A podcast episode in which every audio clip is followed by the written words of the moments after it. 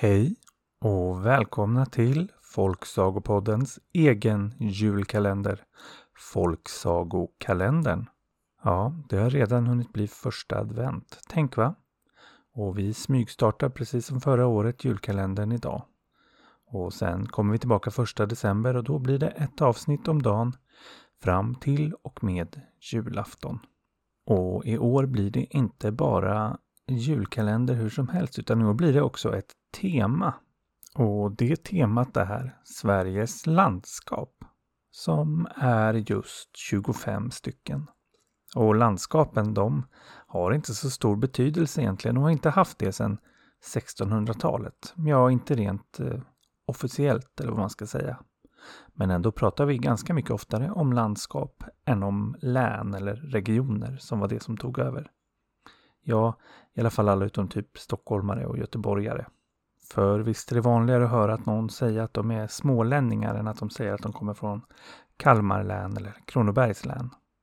Ja, och vad det beror på, det ska inte Folksagopodden spekulera i. Istället så ska vi nu bjuda på en saga från varje landskap hela vägen fram till jul.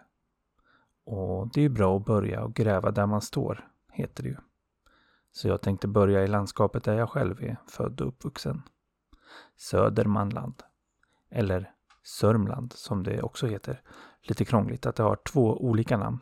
Men eh, Sörmland ligger i alla fall i den delen av Sverige som heter Svealand.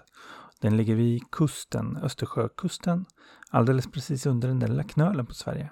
Och vill man se formen, ja då kan man titta på omslaget till dagens avsnitt. Vår eh, husgrafiker Elin har nämligen fixat jättefina omslag med alla landskapen som bakgrund. Coolt va? Sörmlands landskapsdjur är fiskljusen och Sörmlands landskapsblomma det är näckrosen. Och städer man kan besöka i Sörmland det är till exempel Nynäshamn där jag kommer ifrån, Haninge där jag bor, eh, Nyköping och en del av Stockholm ungefär upp till Slussen. För där börjar Uppland som vi ska prata mer om en annan dag. I Sörmland ligger också Sveriges tredje största ö, Södertörn. Som man faktiskt inte kom på att det var en ö förrän 2014. Men nu får det vara slutbabblat om Sörmland eller Södermanland eller vad man nu vill säga. Nu är det dags för en saga. En sörmländsk saga. Här kommer Det du börjar med denna morgon ska aldrig ta slut. Det var en gång, för mycket länge sedan, när självaste Gud, alltså vår Herre, var ute och vandrade i Sörmland tillsammans med sin medhjälpare Sankte Per. Och på sin vandring så behövde han någonstans att sova över natten. Och då knackade han på hos en gumma, men hon var lite snål av sig och ville inte ha några gäster så hon tackade nej. Och vår Herre och Sankte Per fick gå vidare. Och de gick till en liten fattigare gumma och knackade på. Men hon var istället väldigt generös och bjöd in vår Herre och Sankte Per och bjöd dem både på mat och någonstans att sova. Och morgonen efter så blev Gud mycket tacksam och ville tacka gumman. Och det gjorde han genom att säga att det du börjar med idag, det kommer aldrig att ta slut. Och så gav sig han och Sankte Per iväg någon annanstans. Och gumman hon skulle just sätta igång med att klippa tyg från en väv. Ja, hon var som sagt inte så rik men hon hade lyckats väva ihop tyg så hon skulle få till sig lite nya kläder. Så började hon klippa. Men ju mer hon klippte, ju mer tyg verkade det finnas kvar. Ja, plötsligt verkade det som hon hade hur mycket tyg som helst. Hon förstod då att det inte var några vanliga gäster hon hade haft hos sig, utan magiska gäster. Och Det var väl en himla tur för nu kunde hon sy hur mycket kläder som helst. Ja, både till sig själv och till alla andra som kom på besök. För tyget det tog aldrig slut. Ja, nu fick hon det förstås mycket bättre. Och det gjorde ju grannarna lite avundsjuka. Speciellt den gumman som vår Herre och Sankte Per först hade gått till som hade tackat nej till att ha dem som gäster.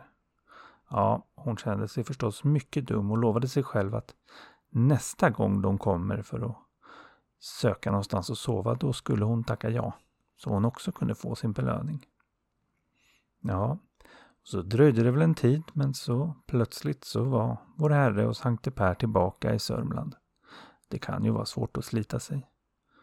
Och behövde någonstans att sova och nu var den första gumman pigg på att erbjuda sitt hem.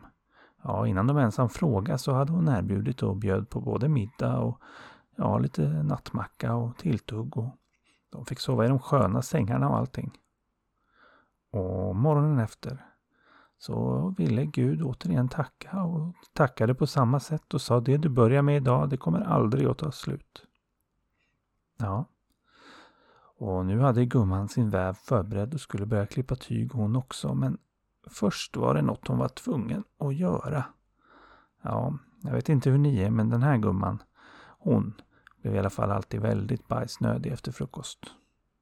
Så hon gick och satte sig på dass och började bajsa. Och det var ju det första hon gjorde nu på morgonen och då, ja då tog det ju aldrig slut. Hon bara sket och sket och sket.